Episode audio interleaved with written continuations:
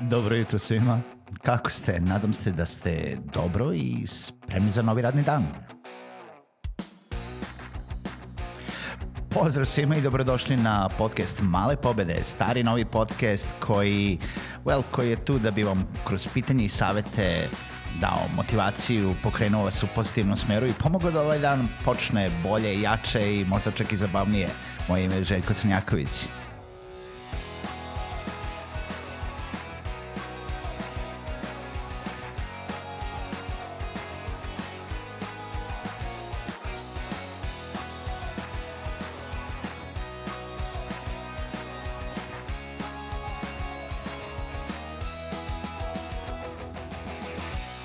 Pozdrav svima, dobro jutro i dobrodošli u novu epizodu podcasta Male pobede.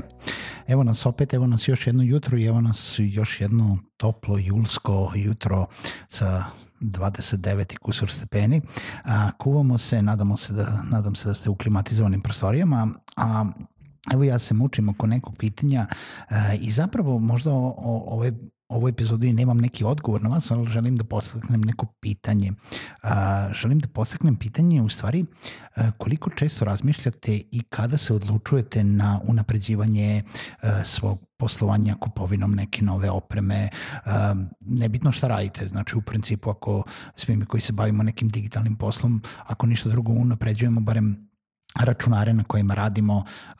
u zavisnosti da li radite dizajn, programiranje,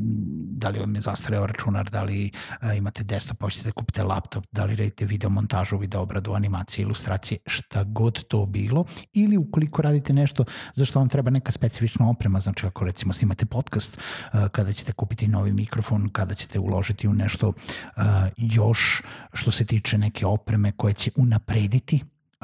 proizvod koji izbacujete, ako snimate vide, da li ćete da ulažete u novu kameru, u neki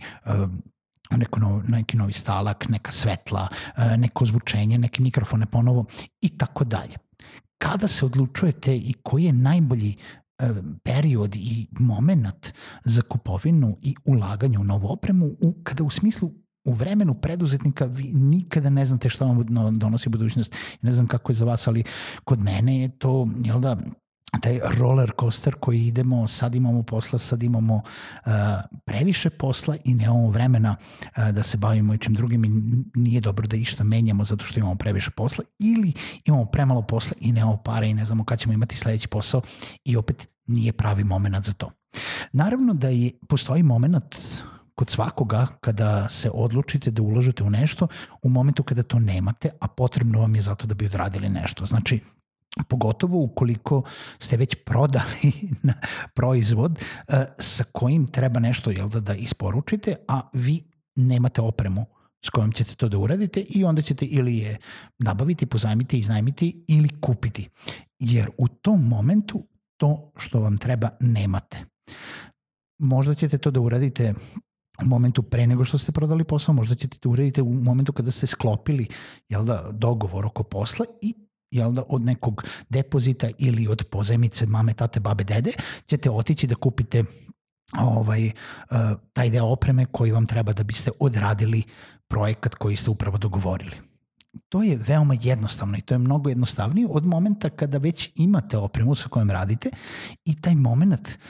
kada treba da kažete ovo sve radi, radi kako treba, ali da bi otišli na sledeći nivo, da bi isporučili jedan korak kvalitetniji uh, proizvod, da bi sebi olakšali posao u neku ruku, jel da smanjili vreme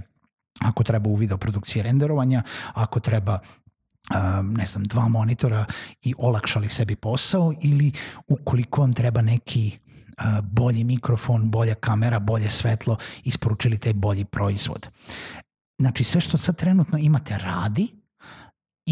posao ide kako tako, ali da bi došli do nekog sledećeg posla koji ne znate kada ćete da dobijete, jel da kada je taj moment kada ćete prevagnuti i kazati sada imam određena sredstva koja mi ne služe zato da mi jel, imamo onaj buffer zonu o kojem smo pričali u nekoj preduzetničkoj epizodi koju treba da imate i nikada ne treba da potrošite sve pare koje ste zaradili kao preduzetnik jer nikada ne znate kada će doći taj sledeći posao i odlučili se na ulaganje u dalju opremu. Za mene trenutno, baš sam mislim, radim ovu epizodu zato što sam celo prepodne proveo pričajući sa, sa nekim o tome. Za mene je zapravo trenutno još uvek, ako ne računamo onu prvu varijantu kada mi treba neka oprema koju nemam, a dogovorio sam posao, znači da realno treba da uzmem nešto da bi odradio taj posao. Znači, ona, u, u drugoj varijanti, kada imamo sve što imamo i to radi, ali želimo da unapredimo tu opremu, iz bilo kog razloga. Znači, makar vam se samo ćefnulo. Nadam se da nikada ne kupujete opremu samo zato što bi se ćefnulo, ali znajući sebe, znajući vas, svima se to dešava. Svima se dešava da želimo neki uh, bolji, lepši uh, ovaj deo opreme samo zato što to želimo, a ne zato što nam možda zapravo treba. I to jeste jedno pitanje veliko koje treba da prvo odgovorite. Da li vam to zaista treba?